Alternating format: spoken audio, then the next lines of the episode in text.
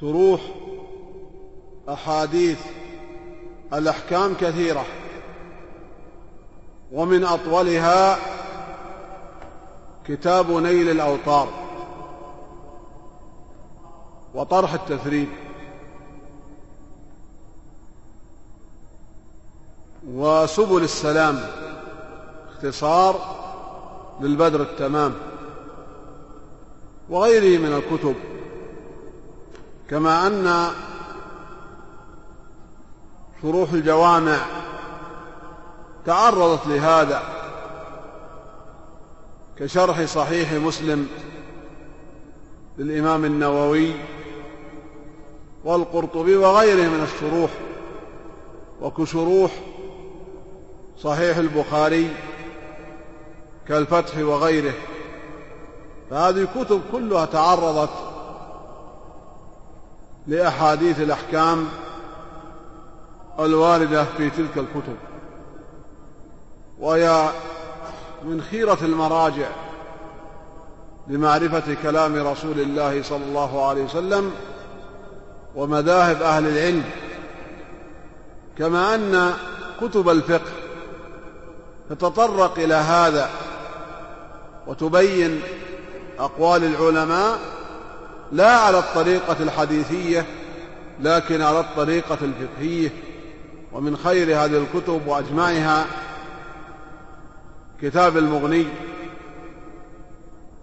والمجموع للإمام النووي وإن لم يكن قد كمل. كما أن كتاب بدائع الصنائع يتعرض لأقوال الفقهاء في, مسائل الأحكام. والله الموفق. وهذا سائل يقول فضيلة الشيخ هل الخمر نجسة مع رجاء التفصيل؟ هذه من المسائل اللي اختلف العلماء فيها ومذهب جمهور أهل العلم بنجاسة الخمر لأنها رجس. وهذا مذهب جمهور أهل العلم. وهناك من يرى من أهل العلم أن الخمر ليست بنجسة. وإن كانت رجس لأن الرجس عند العرب يطلق على معان منها النجاسة. فإن الأشياء النجسة يطلق عليها رجس النجاسة العينية. ومنها من إطلاقات الرجس للمستقذرات ومنها ما يجلب الإثم كالأصنام. فإن الأصنام رجس لكن ليست نجسة لذاتها وقد تكون ألواحا أو طينا أو شجرا أو غير ذلك من أنواع الأصنام التي يعبدها الكفار لكنها رجس. لا لنجاستها لكن لكونها تجلب الإثم. وكذا الكلمات السيئة والخبيثة. تكون رجس. كلمات الكفرية وكلمات الفسق فإنها رجس. لا لنجاسة الكلمة بحد ذاتها لكن لكونها كلمة تجلب الإثم. إذا الرجس لفظ يطلق على النجس نجاسة عينية وعلى المستقذر وعلى ما يجلب الإثم من الأعيان والأقوال. إذا هل الخبر رجس لكونه نجس أو لكونه يجلب الإثم؟ هنا جاء الاختلاف. وهناك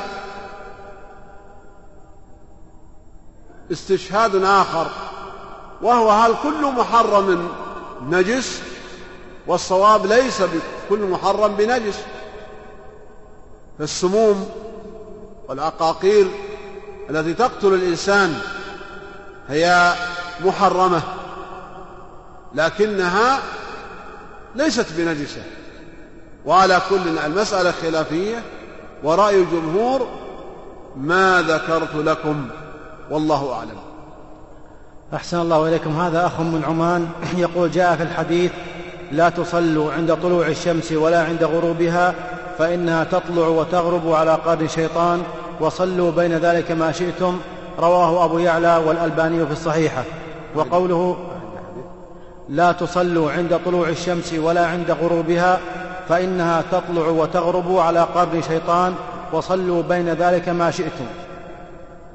رواه أبو يعلى والألباني في الصحيحة. وقوله صلى الله عليه وسلم لا تصلوا بعد العصر إلا أن تصلوا والشمس مرتفعة أخرجه أحمد وغيره. والألباني في الصحيحة. والسؤال كيف نوفق بين النهي العام وهذه الأحاديث؟ وجزاكم الله خيرا. هذه الأحاديث تدل على أن أوقات النهي ليست متساوية. ليست متساوية بل منها ما هو أشد وهو عند الطلوع وعند الغروب وحين يقوم قائم الظهيرة. وقد جاء النهي عن الصلاة وعن دفن الأموات. عن دفن الأموات في هذه الأوقات الثلاثة. المضيقة. وأما ما قبل طلوع الشمس وما قبل الغروب أو قبل الاصفرار فإنها أوقات كراهة والكراهة أخف. لسببين. السبب الأول أن النهي في الثلاثة أشد وقد قرن مع النهي عن الصلاة النهي عن دفن الأموات. الأمر الثاني أن صلاة ذوات الأسباب قد جاءت فيما قبل ذلك أعني قبل طلوع الشمس وقبل قرب الشمس للغروب. وأما ما جاء الإذن بالصلاة قبل ذلك. فهل اسم الإشارة قبل ذلك يعود إلى وقت العصر إلى أو إلى الاصفرار لأن ما بعد العصر ملحق بالغروب. وما قبل طلوع الشمس من بعد طلوع الفجر ملحق. بطلوع الشمس من حيث الكراهة العامة. والأحاديث الصريحة الصحيحة تدل على الإفصاح عن بداية وقت النهي. ولعل الجواب في هذا أنه يرد ما يحتمل التأويل إلى ما لا يحتمل التأويل فتتفق الأدلة. فقبل ذلك يحتمل والأحاديث الصحيحة الصريحة دالة على النهي بعد طلوع الفجر بعد الصبح. والنهي بعد العصر أي صلاة العصر. فالتوفيق بين الأدلة كما قال جمهور أهل العلم وذلك أن الأوقات خمسة. وقسموها خمسة لأن ثلاثة النهي فيها أشد. ووقتان النهي فيهما أخف. فيرد ترد السنة بعضها إلى بعض. ويفسر كلام النبي صلى الله عليه وسلم بعضه بعضا. والله أعلم وأحكم. نعم. أحسن الله إليكم. له سؤال آخر يقول الركعتين بعد العصر. ورد عن كثير من الصحابة أنهم كانوا يصلونها. كيف نفرق بين خصوصية الفعل للنبي صلى الله عليه وسلم وأفعال صحابته وفهمهم وجزاكم الله خيرا. المسألة أيضا من المسائل المختلف فيها فليست مجمع عند الصحابة. وإذا خالف الراوي روايته فما العبرة؟ هل العبرة بما روى لو فرضنا أن الراوي خالف روايته؟ أو العبرة بما رأى هذه مسألة فيها تفصيل عند أهل العلم. وحاصل هذا التفصيل أن الراوي إذا خالف روايته الصريحة التي لا تحتمل التأويل نقدم الرواية على الرأي. وهذا له أمثلة. منها حديث أبي هريرة في سبع الغسلات فكان رضي الله عنه يرى ثلاث الغسلات فيما ولغ فيه الكلب. والحديث نص في السبع. فهل نأخذ برأي أبي هريرة؟ أو نأخذ بحديث رسول الله صلى الله عليه وسلم؟ نظر أهل العلم إلى أن رأي الصحابي خالف روايته الصريحة. التي لا تحتمل التأويل. فقالوا بأن السبع هي الواجب لأن هذا كلام المعصوم صلى الله عليه وسلم.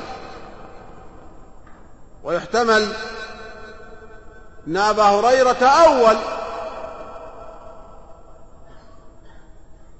وكان تأوله على خلاف سنة صريحة صحيحة.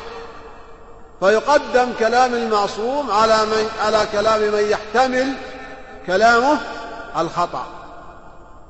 أما إذا كانت الرواية مجملة وتحتاج إلى بيان فإننا نعتبر رأي الصحابي تفسيرا لروايته. إذا كان الرواية تحتمل التأويل فيكون كلام الصحابي تفسيرا للرواية. مثل مثل حديث عائشة رضي الله عنها في زكاة الحلي. لبست خواتم من فضة وتزينت للنبي صلى الله عليه وسلم. ورأى النبي عليه الصلاة والسلام الحلي في يدها فسألها ماذا يا عائشة؟ وهذا يدل على أن السؤال عند أول اللبس. قالت صنعتهن لأتزين لك بهن يا رسول الله. قال أتؤدين زكاتهن؟ قالت لا. قال هن حسبك من النار. فالحديث فيه التزكية وجوب التزكية الذهب بل الحلي فضة كان أو أو ذهبا. وجوب زكاة الحلي. وهذا الوجوب حصل عند أول اللبس لا في تمام الحول فكانت رضي الله عنها لا ترى وجوب زكاة الحلي. وكانت تلي أيتام لابن أخيها ولهم حلي ولا تزكي حلي الأيتام إذا رأي عائشة خالف الرواية أليس كذلك؟ الرواية تنص على وجوب زكاة الحلي ورأي أم المؤمنين ظاهر في عدم وجوب زكاة الحلي. فهل العبرة بما رأت أو بما روت؟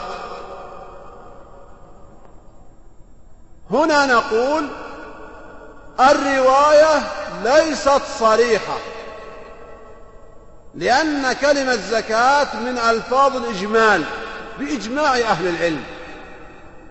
زكاة لفظ مجمل يحتمل التأويل.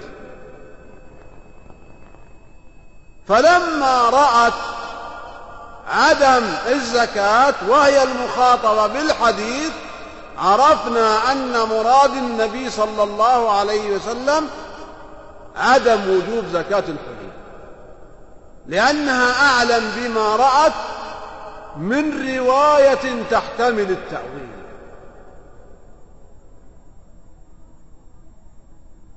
هذا هو مجمل أو ملخص لأقوال أهل العلم في المسألة.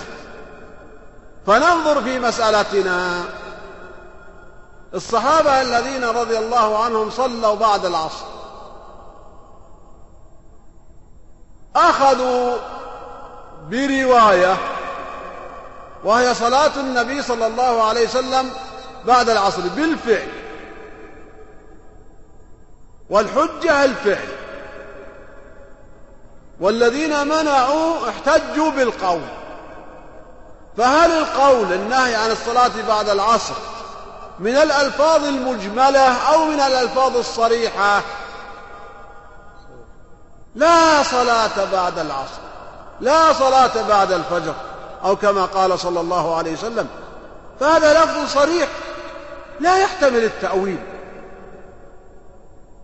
فلو كان لو كانت هذه الألفاظ تحتمل التأويل لقلنا بذلك.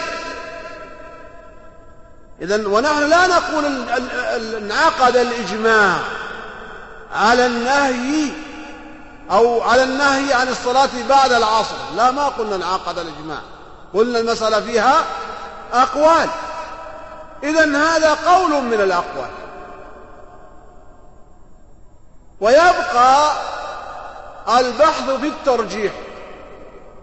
فإذا رددت هذا الأمر إلى القواعد الأصولية وجدت أن الحديث صحيح صريح لا يحتمل التأويل إذ أن معنى الصلاة لا يراد منها صلاة غير المعروفة لدينا لنا بل هذه حقيقة شرعية. فعلى كل وجود رأي لأحد الصحابة في مسألة أو في أخرى لا يحتم علينا الأخذ بقوله بل يكون داخل تحت النظر والترجيح. إنما يكون قوله حجة إذا لم يرد حديث في ذلك كما هو مذهب الإمام أحمد رحمه الله. يكون قول الصحابي حجة إذا لم يعارض حجة أقوى من منه. والصحابي إذا قال بقول وهذا القول عارض حجة أقوى منه نأخذ بأي شيء؟ بالأقوى. كما أخذنا في حديث سبع الغسلات بالحديث وأعرضنا عن الأخذ بحديث برأي أبي هريرة رضي الله عنه. فلم نقل بأن يكفي فيما ولغ فيه الكلب ثلاث غسلات بل قلنا لا بد من سبع غسلات مع أن الرأي وارد عن أبي هريرة بالثلاث وهكذا في سائر المسائل. فينظر فيما ورد فيه فعل للصحابة رضوان الله عليهم. هل هذا الفعل خالف حجة أقوى؟ أو المسألة ذات خلاف؟ واختلف الصحابة فيها. فإذا اختلف الصحابة فيها فنطلب الترجيح. إذ ليس قول صحابي حجة على قول صحابي آخر. كما قال أهل العلم لا يحتج بقول مجتهد على مجتهد آخر. فترد المسائل إلى مجموع أدلتها. وينظر في صحيحها فيميز من ضعيفها وينظر في صريحها فيرد إليه ما يحتمل التأويل والله أعلم.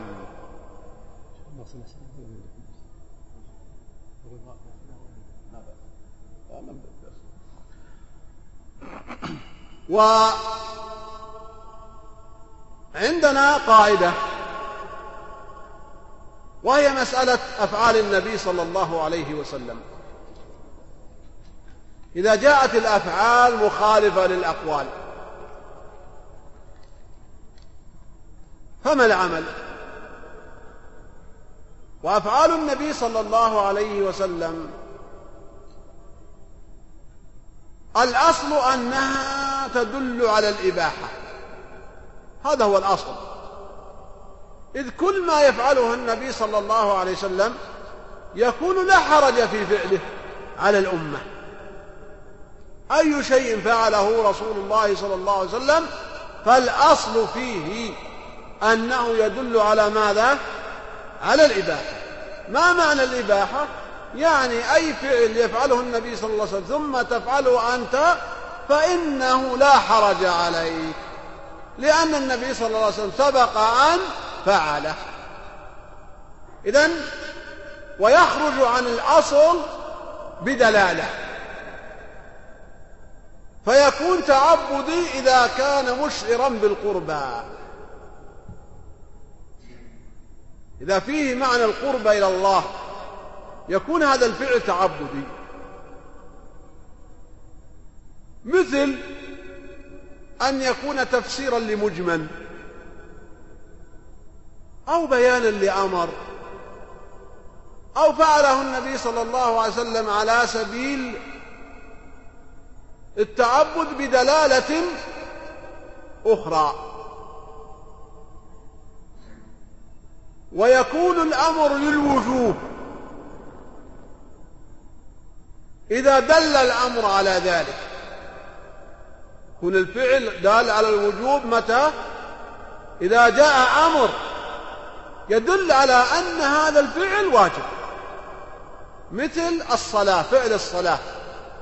فالنبي صلى الله عليه وسلم قال صلوا كما رأيتموني أصلي. فالأصل في أفعال الصلاة الوجوب إلا ما دل الدليل على الاستحباب. ومثل مناسك الحج. حج النبي صلى الله عليه وسلم بأصحابه. وقال خذوا عني مناسككم. فهذا الأمر يدل على أن الفعل ما حكمه واجب. إذا يكون الفعل واجبا إذا دل الأمر على الوجوب. جاء أمر مقترن به. وهل يفعل النبي صلى الله عليه وسلم مكروه؟ قلنا مباح وقلنا ماذا؟ واجب وقلنا مستحب. هل يفعل النبي صلى الله عليه وسلم مكروه؟ لا لا يفعل النبي صلى الله عليه وسلم مكروه. وهل يفعل النبي صلى الله عليه وسلم محرم؟ لا ما يفعل النبي صلى الله عليه وسلم محرم. لكنه يفعل ما هو مباح له مكروه للأمة. أو أو واجب عليه محرم على الأمة. مثل الوصال النبي صلى الله عليه وسلم واصل لكن الأمة تواصل لا. مثل نكاح التسع زوجات. نكح النبي صلى الله عليه وسلم تسع زوجات. وهل يجوز لنا أن ننكح تسع؟ لا ما يجوز. إذن هذا مباح له. من خصائصه صلى الله عليه وسلم. لكن لا يفعل الفعل على أنه هو مكروه له بل النبي صلى الله عليه وسلم معصوم صلى الله عليه وسلم. معصوم عن فعل ما يغضب ربه. لا يفعل النبي صلى الله عليه وسلم أمر حرام عليه. لا. بل معصوم صلى الله عليه وسلم عن ذلك. لكنه يفعل ما هو مخصوص به. فتظهر مسألة الخصائص في الأفعال. فمن خصائصه صلى الله عليه وسلم الوصال. ومن خصائصه صلى الله عليه وسلم نكاح التسع. كذلك يفعل ما يجب عليه ما يستحب للأمة. مثل قيام الليل. يجب على النبي صلى الله عليه وسلم يقوم الليل. قم الليل إلا قليلا. أمر من الله لنبيه صلى الله عليه وسلم بالأمر بالقيام. وأما نحن فيستحب لنا القيام. لماذا؟ لحديث الأعرابي لما سأل عن شرائع الإسلام رضي الله عنه وأرضاه ثم ذكر له النبي صلى الله عليه وسلم أركان الإسلام الخمسة. ومن جملتها خمس صلوات. قال والله لا أزيد. فصوبه النبي صلى الله عليه وسلم وقال أفلح. إذا أفلح مع عدم ذكره قيام الليل. وعدم ذكره غير الصلوات الخمس. فحديث الأعرابي إذا يدل على أن قيام الليل ليس بواجب مع أنه واجب على النبي صلى الله عليه وسلم. بقول الله تعالى قم الليل إلا قليلا فالأمر هنا واجب. وإنما أبيح له نوم جزء قد يكون أكثر من الثلث أو الثلث النصف أو دونه.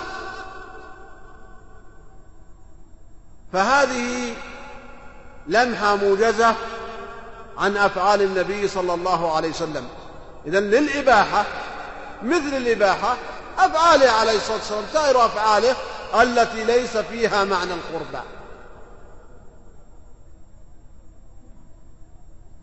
وقد يكون واجبا إذا دل الأمر على ذلك لكنه لا يفعل ما هو مكروه له أو محرم عليه لكنه يفعل ما هو مكروه للأمة أو محرم على الأمة وهذا من خصائصه وأذكر لكم مثال على أمر الكراهة. النبي صلى الله عليه وسلم نهى عن الشرب قائما ونهى عن البول قائما. نهى عن البول حال القيام وعن الشرب حال القيام. ثم شرب صلى الله عليه وسلم قائما. وبال صلى الله عليه وسلم قائما. فهل احدنا يقول نعم أنا أريد أن ابول قائم اتباع للسنة واشرب قائم اتباع للسنة إحياء للسنة. الرسول صلى الله عليه وسلم فعل فأنا أفعل. نقول لا يشرع لك ذلك. لا تفعل على وجه القربى لا تشرب قائما تعبدا ولا تبل قائما على وجه التعبد والتأسي بالنبي صلى الله عليه وسلم. لماذا؟ لأن النهي إذا جاء فالأصل فيه أنه يدل على التحريم. أي نهي عن النبي صلى الله عليه وسلم ورد عن النبي عليه الصلاة والسلام فهو يدل على التحريم. هذا هو الأصل. الأصل في النواهي أنها للتحريم. وأي أمر يرد عن النبي صلى الله عليه وسلم فهو على الأمر للوجوب. فإذا جاء أمر وخالفه النبي صلى الله عليه وسلم. فالنبي عليه الصلاة والسلام مخالفته للأمر قربا. لماذا؟ لأنه فعله للبيان للتشريع لبيان أن الأمر أو النهي لا لا يراد منه الوجوب ولا يراد منه التحريم. نهى عن الشرب قائما لو لم يرد شرب النبي صلى الله عليه وسلم قياما فإن الشرب يكون حال القيام مع حكمه حرام.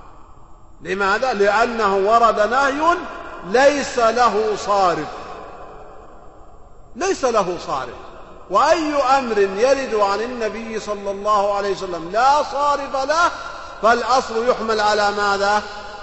على الوجوب ثم جاء الفعل لبيان الشرع إذا لا يصلح أن نقول النبي صلى الله عليه وسلم فعل المكروه ولا يجوز لنا أن نجرؤ على مثل هذا. لماذا؟ لأن فعل النبي عليه الصلاة والسلام على جهة التشريع. فتارة يشرع بالقول وتارة يشرع صلى الله عليه وسلم بأي شيء؟ بالفعل من أجل البيان. لأن النبي صلى الله عليه وسلم لو شرع بالقول هنا لصار القول ناسخا. لو قال النبي عليه الصلاة والسلام لما قال نهى عن الشرب قائما قال اشربوا قياما. يكون ما حكم الشرب حال القيام؟ حرام؟ أو ننظر لآخر الأمرين؟ فنقول الأخير ناسخ للأول إذا لا يصلح. فمقام النبي صلى الله عليه وسلم مقام عظيم. فيشرع تارة بالقول لأن الحكمة تقتضي ذلك. وتارة يشرع بالفعل لأن الحكمة تقتضي ذلك. وهذا العلم من عند الله تعالى. فالنبي صلى الله عليه وسلم أفعاله وأقواله تأتي بمصلحة الأمة. فلما صار التشريع بال... أو جواز الشرب قائما لو جاء عن طريق اللفظ لصار ناسخا. فبينه النبي صلى الله عليه وسلم بالفعل. لكي يرفع الحرج عن الأمة ويبقي لها الأصل وهو كراهة الشرب قائما. فلما فعل صلى الله عليه وسلم ما نهى عنه صار النهي ينزل عن درجة التحريم إلى درجة الكراهة. ولو شرع بالقول لتغير المعنى. كما أدركتم من ضرب المثال. أليس كذلك؟ إذا أفعاله صلى الله عليه وسلم تأتي لحكمة يدركها علماء الأمة. إذا الفعل إذا خالف القول يؤثر في القول. فينزل يجعل الحرام ينزل إلى درجة المكروه. والمأمور به من درجة الوجوب إلى درجة الاستحباب. وهذه مسألة دقيقة. وإذا ظهرت للإنسان واستطاع أن يسير مع أحاديث رسول الله صلى الله عليه وسلم الجمع بين الأقوال والأفعال ظهر له فيها علم كثير جم. فعلى نبينا أتم الصلاة وأكمل التسليم. آه، مسألة أخرى في نفس الفعل.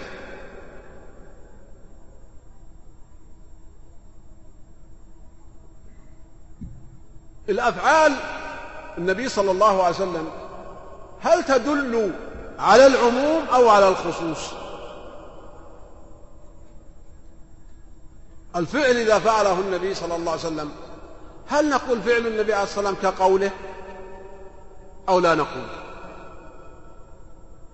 اتفقنا على أن للأقوال عموم. أليس كذلك؟ بل العموم متنوع. عموم مطلق وعموم وجهي وغير ذلك من أنواع العموم. ويأتي الإطلاق وله شبه في العام ويختلف عنه وجوه أخرى. لكن الفعل هل للفعل عموم كعموم الأقوال؟ نحن إذا نظرنا إلى فعل رسول الله صلى الله عليه وسلم وجدناه حدث في وقت حدث في زمن حدث في زمن. الزمن محدد. والحدث محدد. شرب عليه الصلاة والسلام قائما. هل شرب قائما له أكثر من وجه؟ أو وجه واحد؟ نعم. وجه واحد. صفة واحدة. حدث حركة. فعلها صلى الله عليه وسلم. بال قائما. حدث في زمن. لا يحتمل تعدد الوجوه. لا يحتمل تارة يكون عام وتارة يكون خاص وتارة يكون مطلق وتارة يكون مجمل. هو هو فعل. وصف واحد. حدث في زمن لا تتعدد وجوهه فهو إذن خاص. وقد نص أهل الأصول. على أنه لا عموم للأفعال. إنما العموم للأقوال. ومن هذه النصوص ما جاء في الورقات. من يحفظ الورقات من الإخوة يجد أن من جملتها أنه لا عموم للأفعال. إنما العموم للأقوال. مثال هذا الكلام ورد عن النبي صلى الله عليه وسلم أنه مسح على الخفين وثبت عنه صلى الله عليه وسلم بطريق الفعل أو بطريق القول الفعل وثبت عنه صلى الله عليه وسلم أنه مسح على الجوربين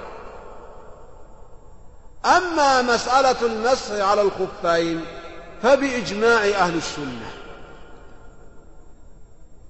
ولم يخالف في المسح على الخفين. اضبطوا الألفاظ. لم يخالف على المسح على الخفين إلا المبتدئة. ولذلك أدخل أهل السنة مسألة المسح على الخفين في كتب العقائد. مع أنها مسألة فقهية لكن لأن المخالف هم الذين لم يأخذوا بالسنة في هذه المسألة. أما المسح على الجوربين فلا ففيه خلاف بين أهل السنة. ولذلك فإن الجمهور العلماء الأئمة الثلاثة المالكية والشافعية ومن؟ والحنفية لا يرون المسح على الجوربين ويرون المسح على الخفين والخف غير الجورب والإمام أحمد رحمه الله وطائفة من أهل الحديث يرون المسح على الجوربين ويرون المسح على الخفين. إذن المسح على الجوربين لا يدخل في كتب العقائد بل في كتب الفقه. والمسح على الخفين دخل في كتب العقائد لأن مبناه عدم الأخذ بالسنة. لا مبناه على عدم ثبوت السنة.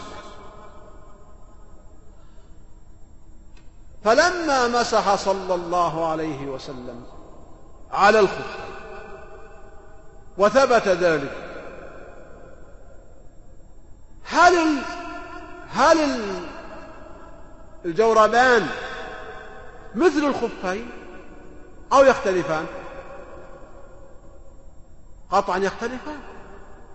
الجوارب عند العرب لفائف من الخرق تلف على الأقدام وتستر القدم. أما الخفاف فمصنوعة من الجلد وهي تعد للمشي وأما الجوارب فتعد للوقاية. من الآثار السيئة التي تحدث للرجل من القدم من من الخف.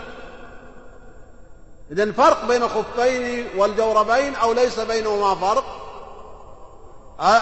الجوربان وقاية والخفان لأجل السير على الأرض. فقال جمهور العلماء بالمسح على الخفين دون الجوربين. لماذا يا مشايخ؟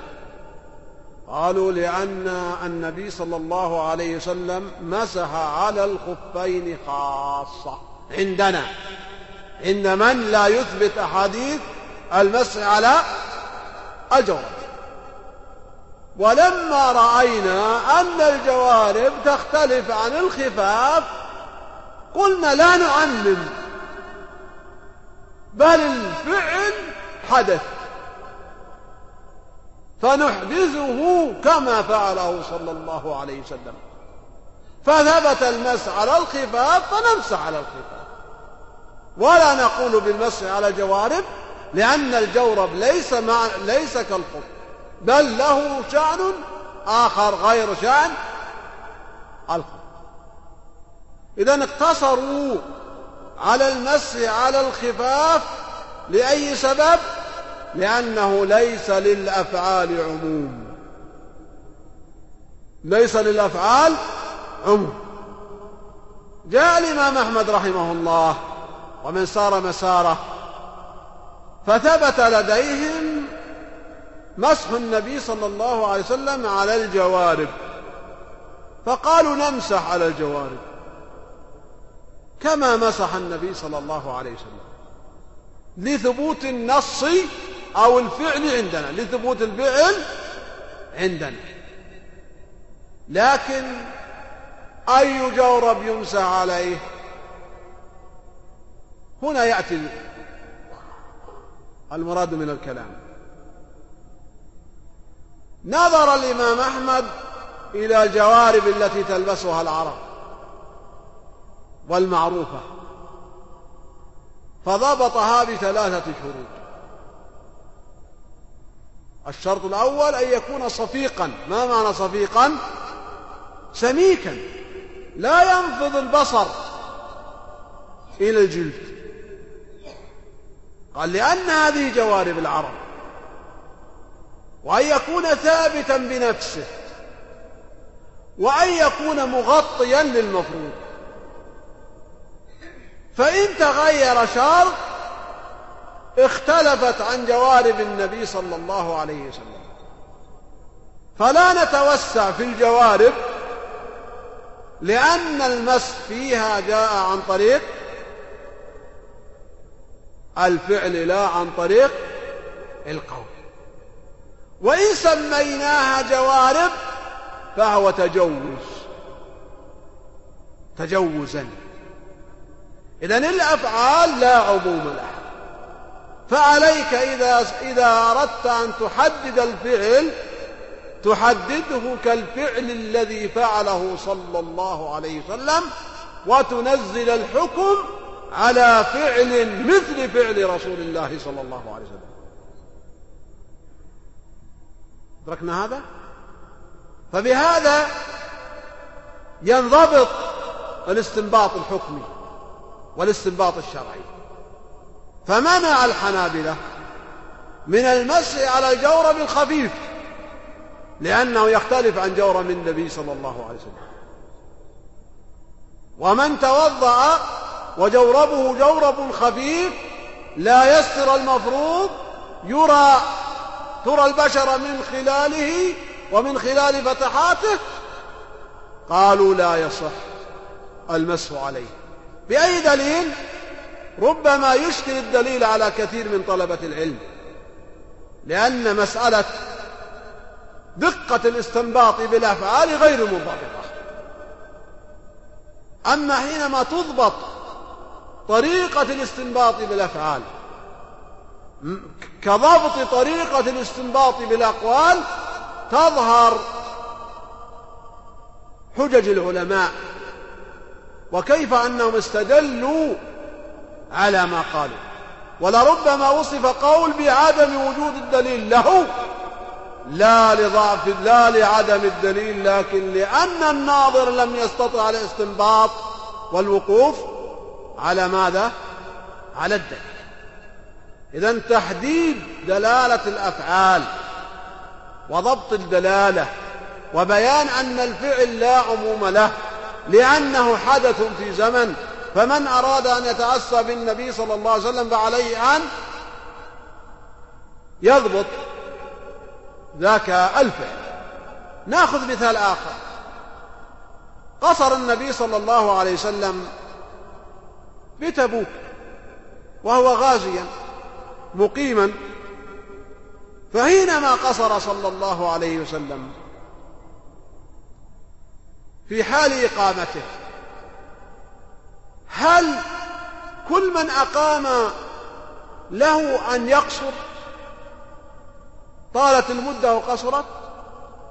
أو لا بد أن نقي أن نحدد فعل النبي صلى الله عليه وسلم؟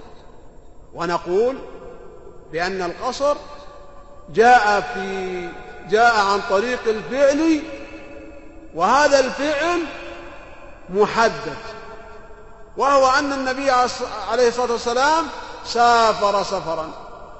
لا يريد فيه الإقامة. إذ لم يسافر ليقيم بتبوك إنما سافر لأي شيء؟ ليجاهد عليه الصلاة والسلام. وأن إقامته غير محددة بداية ولا نهاية وغير مرادة في السفر. فنقول من كانت إقامته كإقامة رسول الله صلى الله عليه وسلم. كفعل رسول الله صلى الله عليه وسلم من كل وجه فعليه أن فله أن يقصر. وإذا اختلفت الأحوال فلا تقصر. كمن يسافر ليقيم. فالذي سافر ليقيم هل هو كفعل رسول الله صلى الله عليه وسلم في تبوك؟ قطعا لا. جاء شخص ليحضر الدورة في هذا المسجد المبارك. فلا يصح أن يجعل نفسه يجعل سفره كسفر رسول الله صلى الله عليه وسلم لتبوك لماذا؟ لأن النبي صلى الله عليه وسلم حينما سافر لتبوك قصر فعلا وسافر سفرا فعليا وكان سفره لا من أجل الإقامة إنما من أجل الغزو والجهاد وأن إقامته غير مقصودة لا بداية ولا نهاية. فمن كان فعله كفعل رسول الله صلى الله عليه وسلم فله القصر. ومن اختلف فعليه ألا يستدل بهذا الدليل لأنه استدل بفعل حاله ليست كحال رسول الله صلى الله عليه وسلم. إذن هذه مسائل مهمة أيها الإخوة وهو أن نفرق بين دلالة الأقوال وبين دلالة الأفعال. ومن ظهر له مثل هذا فبإذن الله تعالى يستطيع أن يسير كما سار الأئمة في الاستنباط. ومثل هذا أيضا إقامة النبي صلى الله عليه وسلم عام الفتح. فإن النبي صلى الله عليه وسلم أقام تسعة عشر يوما لتثبيت الإسلام بمكة ولقمع رؤوس الكفر ولهدم الأصنام وإقامة الدين. إذا هو إقامة في الحقيقة غير مرادة إنما طرأت لتثبيت هذا الدين. بدلالة أن المهاجر ممنوع أن يقيم فيما هاجر فيه أكثر من ثلاثة أيام. إقامة مقصودة. وأقام النبي صلى الله عليه وسلم تسعة عشر يوما في مهجره لأنها إقامة غير مقصودة فلم يخالف فعله قوله. أدركنا هذا الملحظ؟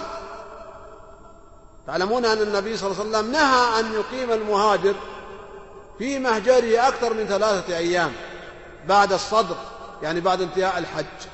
لأن الإقامة في المهجر في المكان الذي هاجر منه يخشى على صاحبها أن تنقطع هجرته. لكن أقام النبي صلى الله عليه وسلم تسعة عشر يوما. إقامة غير مقصودة جمعا بين الأدلة وتوفيقا بين السنن لمعرفة الفرق بين بين الفعل والقول. إذا إقامة النبي صلى الله عليه وسلم عام الفتح تسعة عشر يوما إنما اضطره الوضع القائم. حاجة المسلمين حاجة أهل مكة حاجة ما هو مقدم عليه من حرب مع أهل الطائف. فضبط دلالة الفعل أمر يعين طالب العلم بعد معونة الله تعالى على تحرير الحكم. والله أعلم وصلى الله وسلم على نبينا محمد.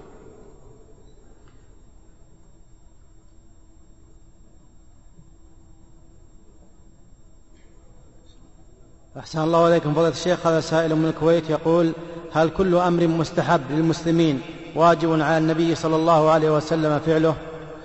لا. لا ليس كل أمر مستحب يجب على النبي صلى الله عليه وسلم فعله. مثل العمرة في رمضان. حتى النبي صلى الله عليه وسلم على العمرة في رمضان ولم يعتمر صلى الله عليه وسلم في رمضان البتة.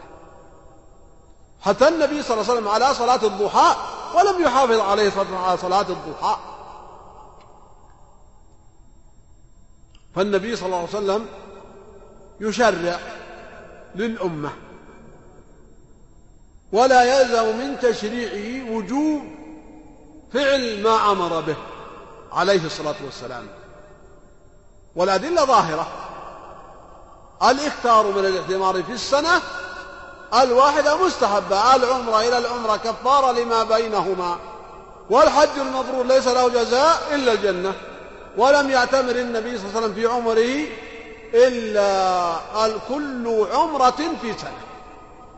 اعتمر أربع عمر في أربع سنوات. ولم يعتمر في السنة الواحدة أكثر من عمرة مع أن أكثار العمر أمر مستحب. فليس كل أمر يستحب للأمة واجب على النبي صلى الله عليه وسلم بل هناك أمور مستحبة ترك النبي صلى الله عليه وسلم فعلها. كما تعلمون في صلاة التراويح وما قاله صلى الله عليه وسلم في ذلك. نعم. أحسن الله إليكم. هذا سائل من الإمارات يقول السؤال الأول ما هو القول الراجح في الشرب واقفا والبول أحيانا بأرض الرخوة؟ أما بالنسبة للشرب فالمستحب الشرب جالسا. ولو شرب قائما لصار جائز مع الكراهة ليس بمحرم. والبول قائما مستحب أن يبول جالسا. ولو بال قائما فإنه لا يأتم لكن يكره. جمعا بين الأدلة. إذ أن الأقوال الأفعال لا تنسخ الأقوال. والنسخ لا يصار إليه ما أمكن الجمع. فالجمع ممكن. وهو حمل أحاديث النهي على الكراهة وأحاديث الأمر على الاستحباب. ولا يصار إلى النسخ ما أمكن الجمع مع أن الأفعال لا تنسخ الأقوال. لأن الأفعال تحتمل الخصوصية والأفعال والأقوال لا تحتمل الخصوصية. أحسن الله إليكم. سؤاله الثاني يقول هل يعتبر الماء داخل حوض الحمام راكدا علما بأنه محبوس بفعلي؟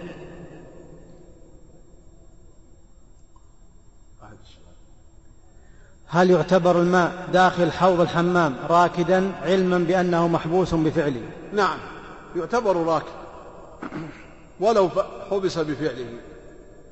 فالماء في البرك وفي الأواني وفي الخزانات هي محبوسة بفعل الإنسان. فالمراد بالجاري الذي يسير. يسير ولو عن طريق الإنسان كمن كأصحاب المزارع لهم المكائن تخرج لهم الماء ويسير في السواقي. فيجوز أن تبول في الماء الجاري لأنه يبعد عنك. لكن الماء الدائم تبول وتتوضأ من بولك نهي عن ذلك. فيعتبر دائم ولو بحبس الإنسان وسؤاله الثالث يقول هل يوجد حديث تحذير عن صبغ الشعر بالأسود؟ نعم في الصحيح. جنبوه السواد في الصحيح. وقد خرج في الصحيح لا على أنه مدرج بل على أنه مرفوع من قول النبي صلى الله عليه وسلم. إذ صاحب الصحيح اعتمد على أنه ليس من المدرج بل من المرفوع. نعم في صحيح مسلم. هذا سائل من عمان يقول فضيلة الشيخ هل طاعة ولي الأمر مسألة عقدية أم فقهية؟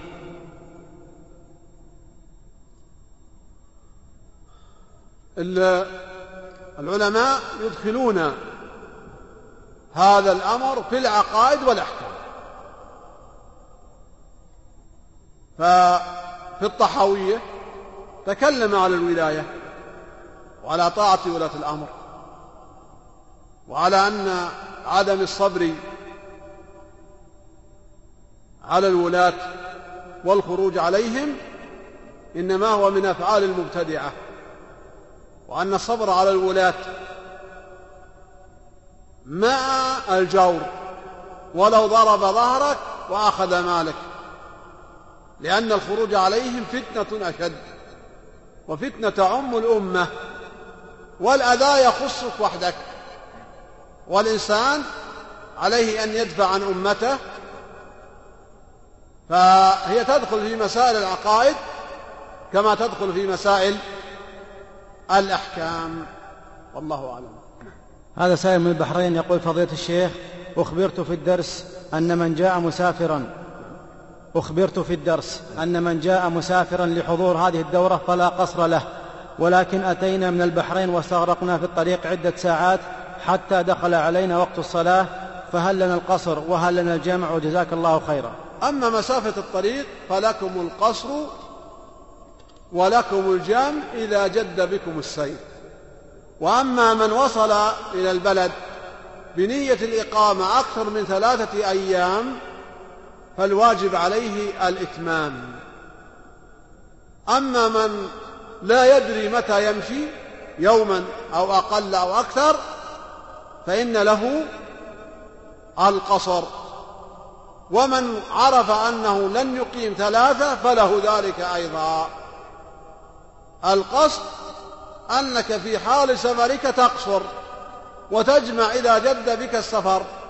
وإذا وصلت إلى البلد الذي تنوي الإقامة فيه لأي غرض كالعمرة وكحضور الدروس أو الوظيفة أو للراحة وتعلم أنك ستقيم أكثر من ثلاثة أيام وفي رواية أربعة أيام يعني خمسة.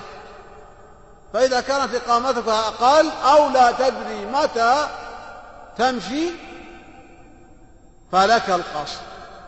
والله أعلم. وهذا يقول فضيلة الشيخ ما هي السنة التركية؟ وجزاكم الله خيرا.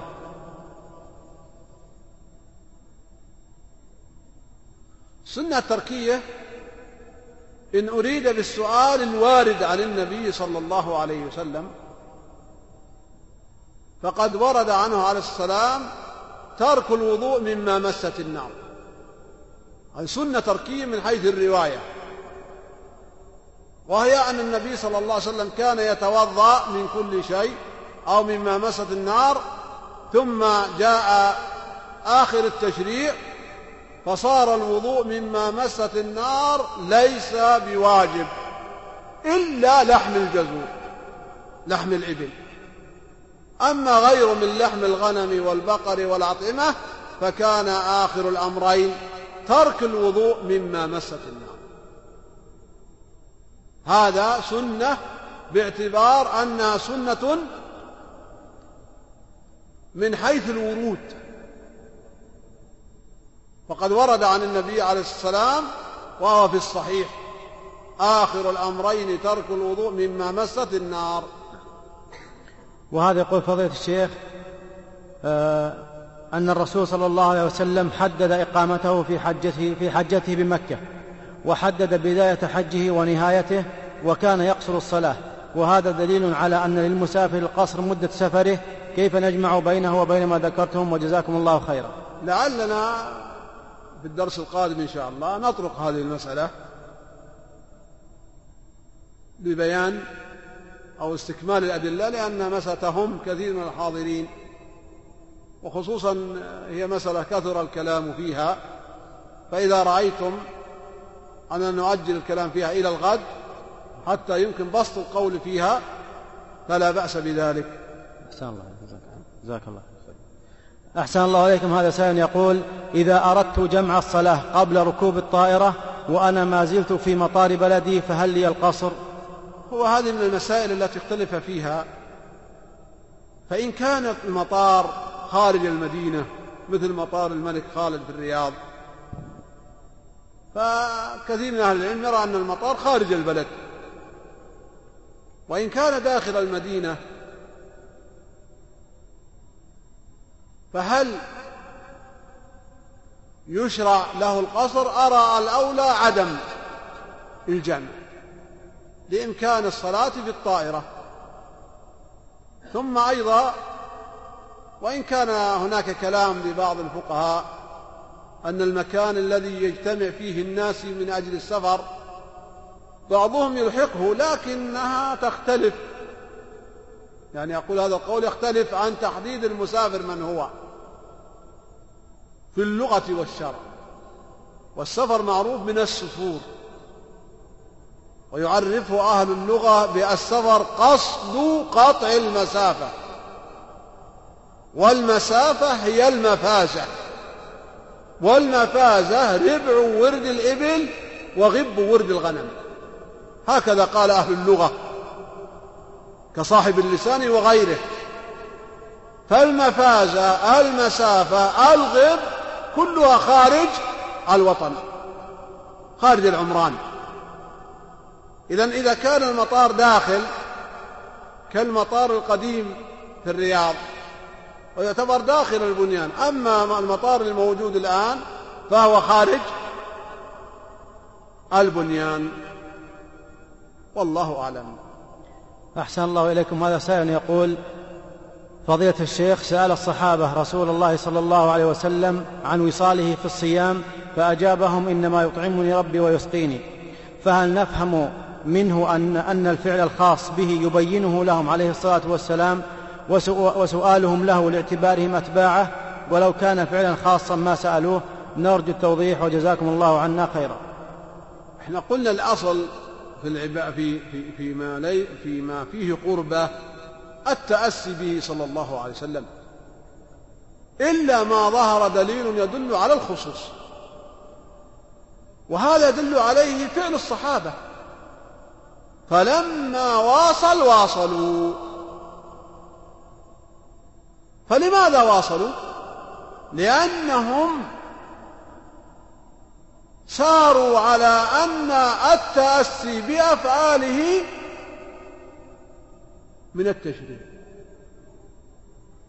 ولما خلع صلى الله عليه وسلم عليه وهو في الصلاة خلعوا نعالهم. تعرفون القصة؟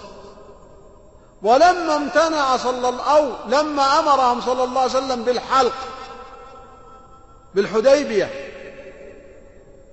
لم يحلقوا. فلما حلق حلقوا. لأن كان من سيرة صحابة رسول الله صلى الله عليه وسلم أنهم ينظرون إلى أفعاله عليه الصلاة والسلام. فيقتدوا بها. إذن الأصل عدم الخصوصية. ولا يكون خاصا إلا ما دل الدليل عليه كحديث الوصال. ظهر إن شاء الله. هذا يقول أحسن الله إليكم هل تعد خصوصيات الرسول عليه الصلاة والسلام من صوارف الوجوب إلى الاستحباب ومن صوارف النهي إلى الكراهة؟ لا الخصوصيات لا. الخاص لا يحتج به. الخصوصية لا يحتج بها. الخاص يعني الخصوص. فلا نقول الوصال مستحب. لا لأنه خاص.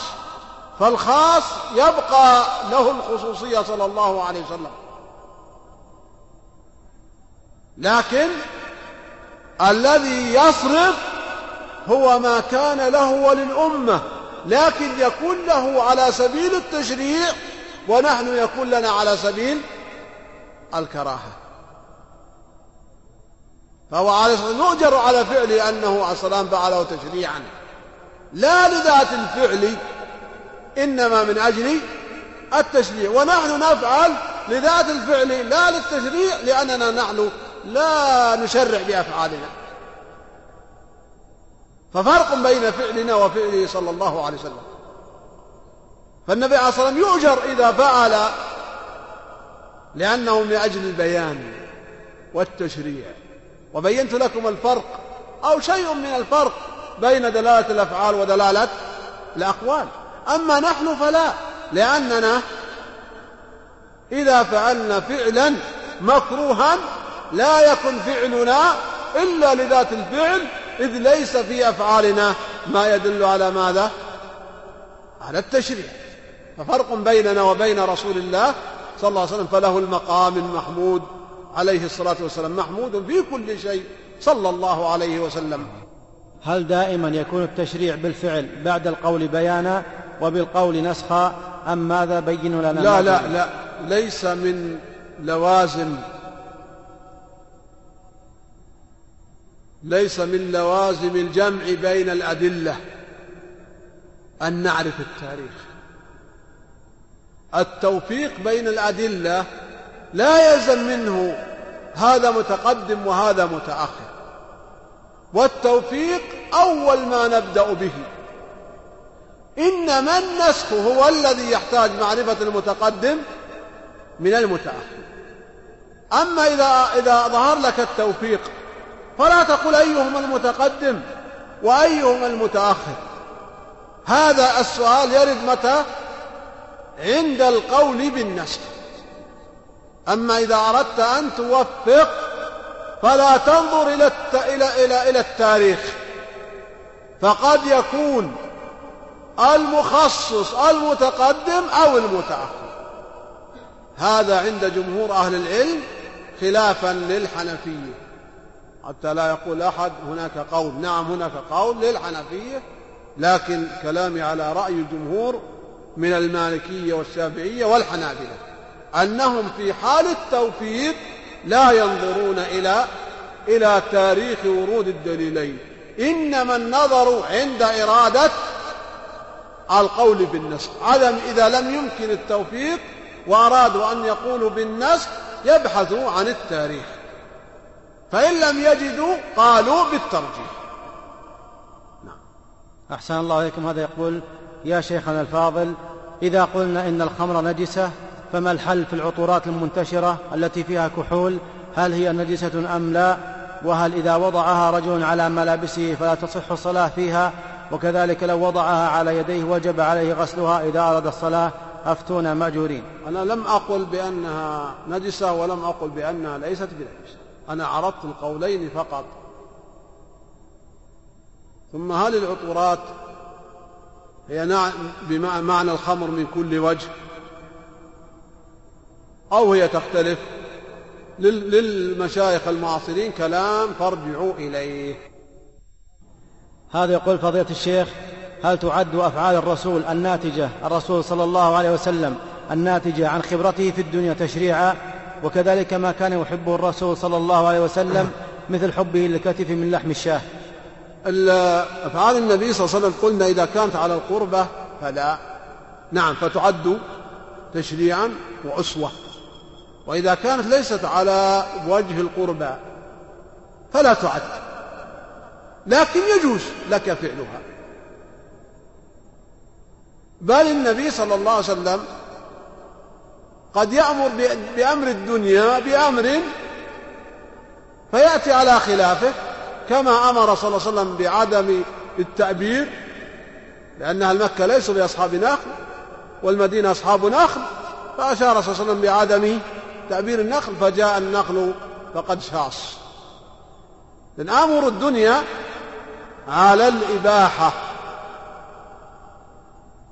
وأظن هذا يظهر من أول الكلام.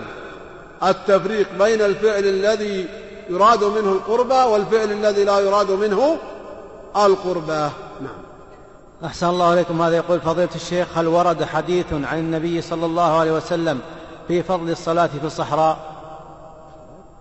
فضل الصلاة في الصحراء. الصحراء نعم ورد حديث وهو صلاة العيد. صلاة العيد؟ أين تستحب؟ في الصحراء. فالنبي صلى الله عليه وسلم خرج يوم العيد عليه الصلاة والسلام وصلى بالناس. هذا ما أعرفه والله أعلم وصلى الله وسلم على نبينا محمد وعلى آله وصحبه أجمعين. بسم الله الرحمن الرحيم. الحمد لله رب العالمين وصلى الله وسلم على نبينا محمد وعلى آله وصحبه أجمعين. أما بعد فهذا سائل يقول فضيلة الشيخ هل تقبل صلاة المسبل إزاره؟ وكيف نصنع بحديث لا يقبل الله صلاة مسبل إزاره وجزاك الله خيرا؟ بسم الله الرحمن الرحيم.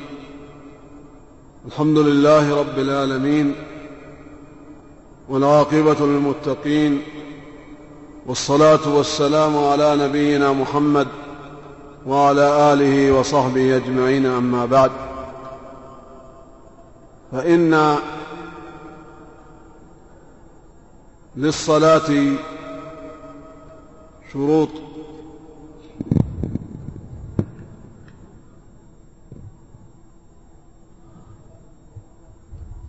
فإن للصلاة شروطا لا بد منها وليس من جملتها عدم الإسبال.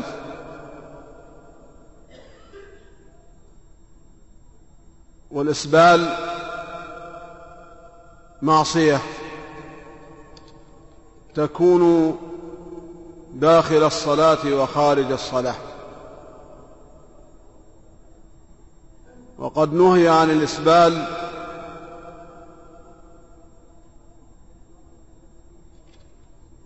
وهذا النهي يعني التحريم.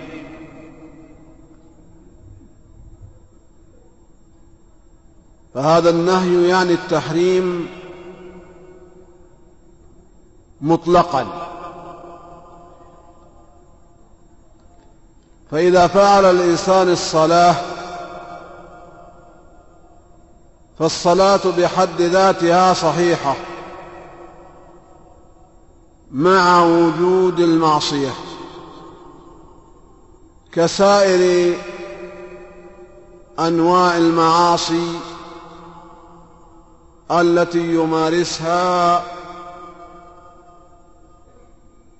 الناس فهو مؤمن بإيمانه فاسق بمعصيته. فالصلاة إذن يؤجر عليها مع إثمه في الإسبال. وسبب الأجر منفك عن سبب الوزر فالجهة منفكة. كالصلاة في الدار المغصوبة أو الثوب المسروق. أو الوضوء بالماء المغصوب. وإن اختلف العلماء في حكم الصلاة لكن الصواب صحة الصلاة. لأن الجهة منفكة أعني جهة الإثم وجهة الثواب. فيثاب على صلاته ويأثم بوقوعه في المعصية بخلاف الصلاة بوضوء من ماء نجس لأن طهارة الماء شرط من شروط الوضوء والوضوء إذا لم يصح فإن الصلاة لا تصح لأن من شروطها الطهارة. إذا نفرق بين الخلل في الشرط وبين وجود معصية. والحديث يحمل على أنه لا صلاة له كاملة. لا على نفي أصل الصلاة. والله أعلم. أحسن الله إليكم. فضيلة الشيخ يقول لو صلي على جنازة صلاة العصر ثم دفنت فهل لمن لم يصلي أن يصلي عليها؟ لمن؟ نعم له أن يصلي عليها على القبر. لأن تقديم الصلاة على الجنازة أولى من تأخيرها. بل إن مدة صلاة الجنازة تنتهي. تنتهي عند أهل العلم. فالمبادرة إلى الصلاة عليها نظرا لأن أصل الصلاة يستحب المبادرة إليها. فيبادر إلى الصلاة لأنه هو هذا هو وقت الصلاة. والله أعلم. وهذا يقول فضيلة الشيخ أحسن الله إليك ما القول الراجح في تحية المسجد؟ القول الراجح أنها سنة وأنها تصلى في أوقات النهي الواسعة الطويلة. أما عند غروب الشمس وهو وقت قصير يمكن للإنسان أن يعرفه ويحدده ولا يطول. فالانتظار عند الغروب وقائم الظهيرة أمر سهل وميسور. وعلى كل فإن تحية المسجد من ذوات الأسباب. تصلى في أوقات النهي بناء على ما ذكرت لكم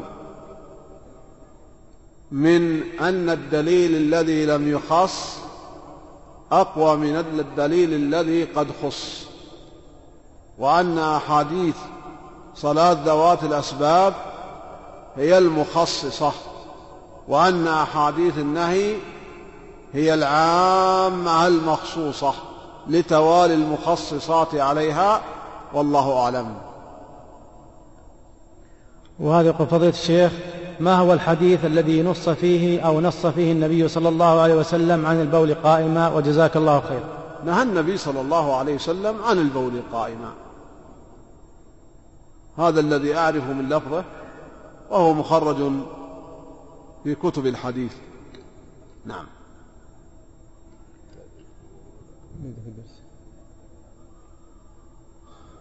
وبعد هذا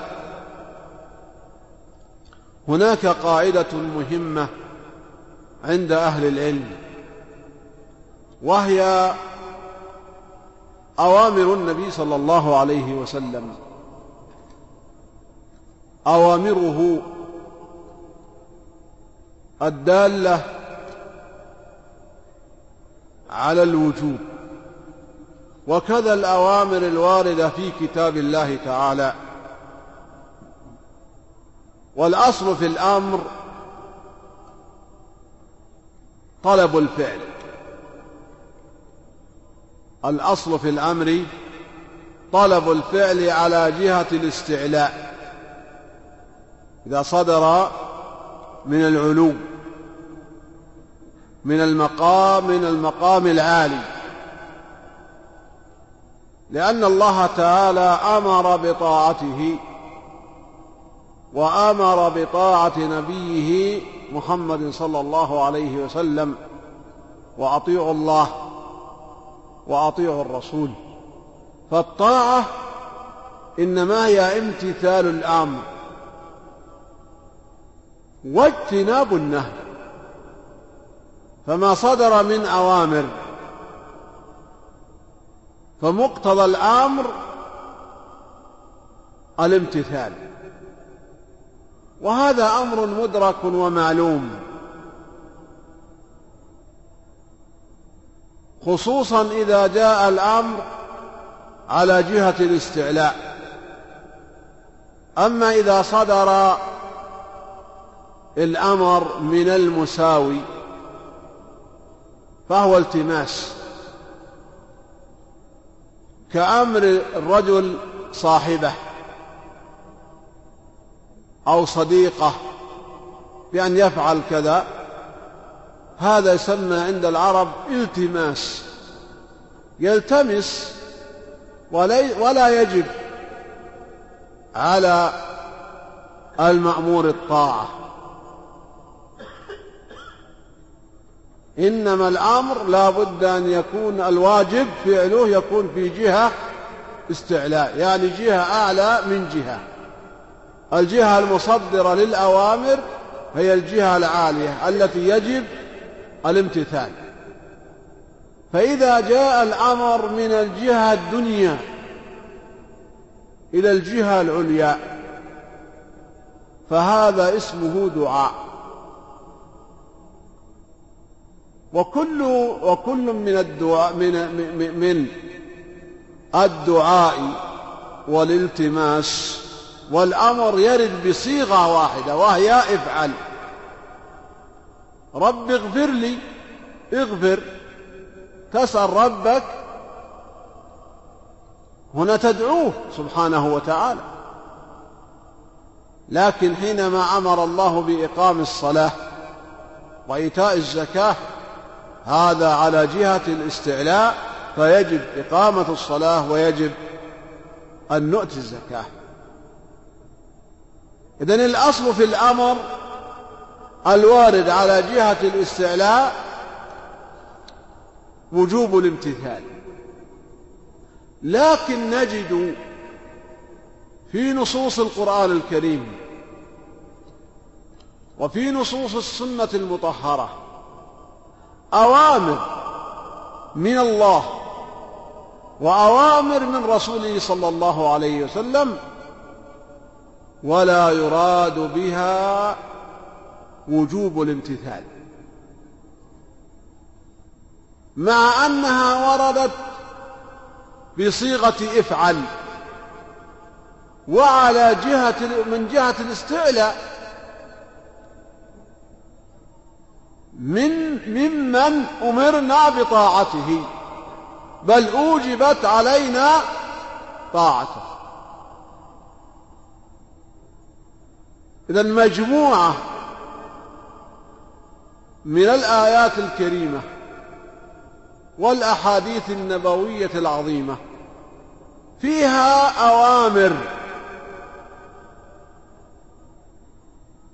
وتدل على غير الواجب. لا يراد منها الوجوب. إذا متى نفرق بين الأمر الذي يجب فعله والأمر الذي لا يجب فعله؟ وهذا أمر هام. فإن الإنسان إذا وقف على كلام الله تعالى وعلى كلام رسوله صلى الله عليه وسلم وجد الأوامر. فهل كل أمر يجب علينا أن نفعله؟ أو ليس الأمر كذلك؟ ثم متى يجب الفعل ومتى لا يجب وكيف نفرق.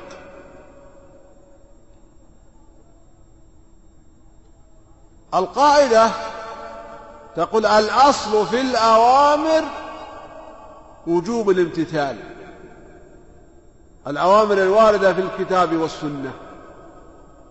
لأنها وردت بصيغة إفعل ولأنها على جهة الاستعلاء. إذن هذا هو الأصل في أوامر الكتاب والسنة. لكن إذا ورد صارف يصرف الأمر من الوجوب إلى معان تبلغ أربعة عشر معنى. أربعة عشر معنى وردت في الكتاب الكريم والسنة النبوية المطهرة وهي بلفظ افعل ولكن لا يراد بها وجوب الامتثال. ولنأخذها إن شاء الله واحدا واحدا.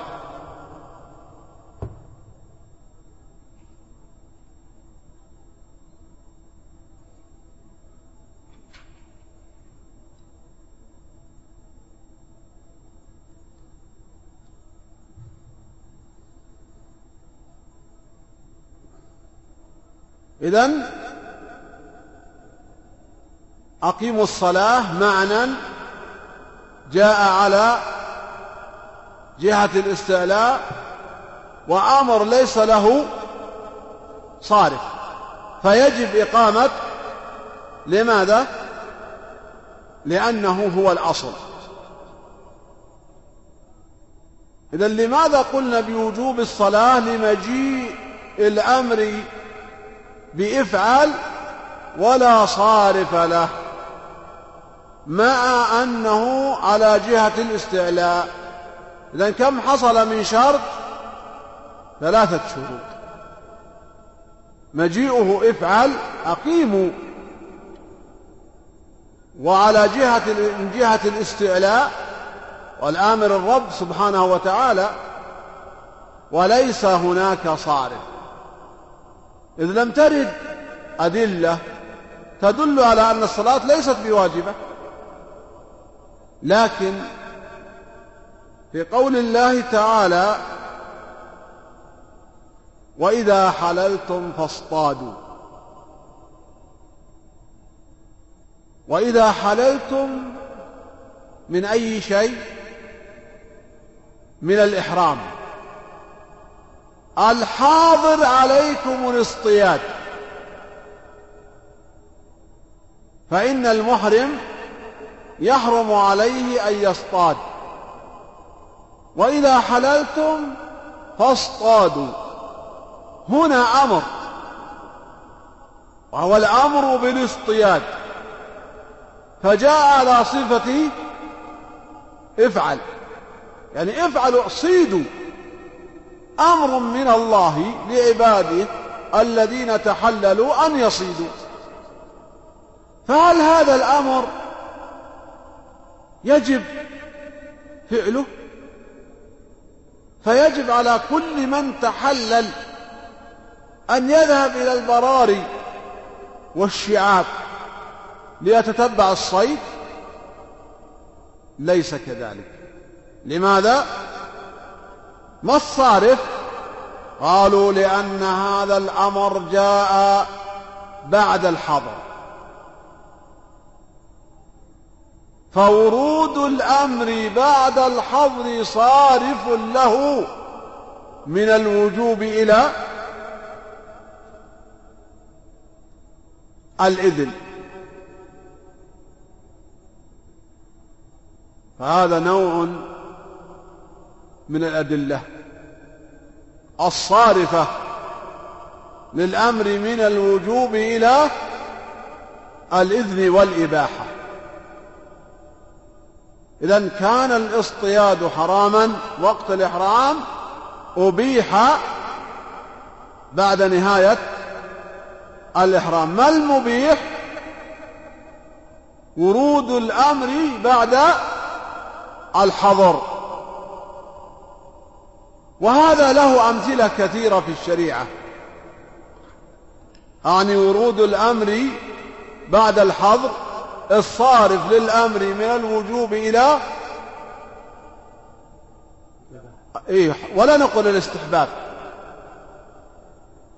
حتى الاصطياد بعد التحلل ليس مستحبا بل الاصطياد بعد التحلل مباح.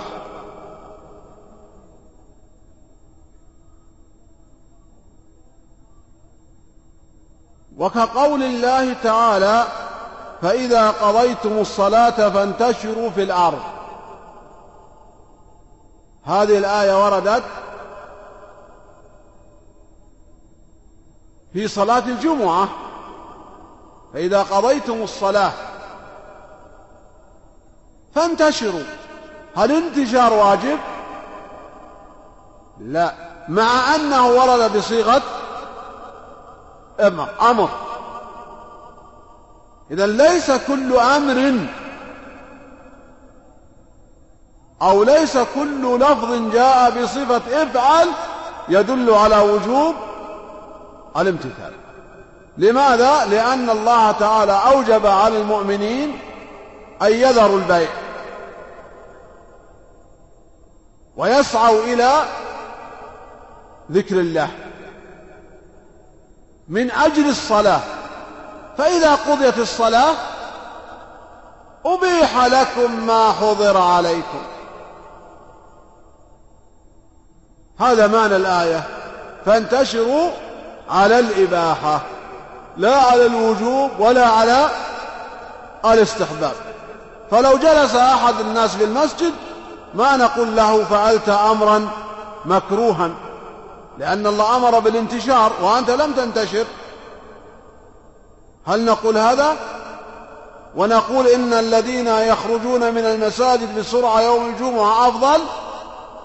لأنهم امتثلوا الأمر وبادروا إليه؟ لا لا نقول ذلك. لماذا؟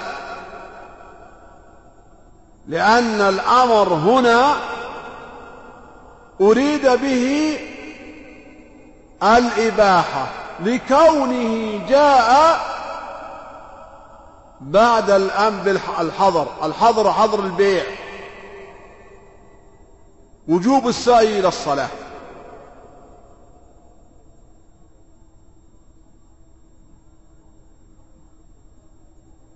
هناك أيضا مثال آخر في هذا الموضوع. في قول الله تعالى فإذا تطهرنا فأتوهن من حيث أمركم الله. فأتوهن.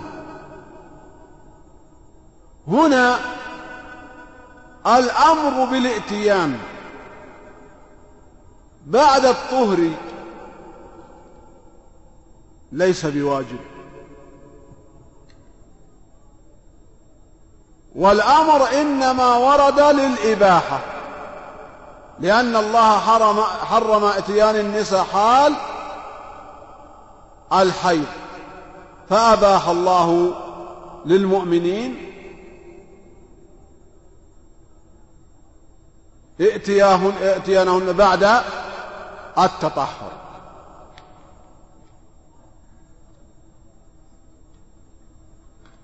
كذلك جاء في السنة قول النبي صلى الله عليه وسلم كنت نهيتكم عن ادخار لحوم الأضاحي فادخروا. ما تبقى من مادة هذا الشريط تتابعونها في الشريط التالي مع تحيات إخوانكم في تسجيلات الراية الإسلامية بالرياض والسلام عليكم ورحمة الله وبركاته.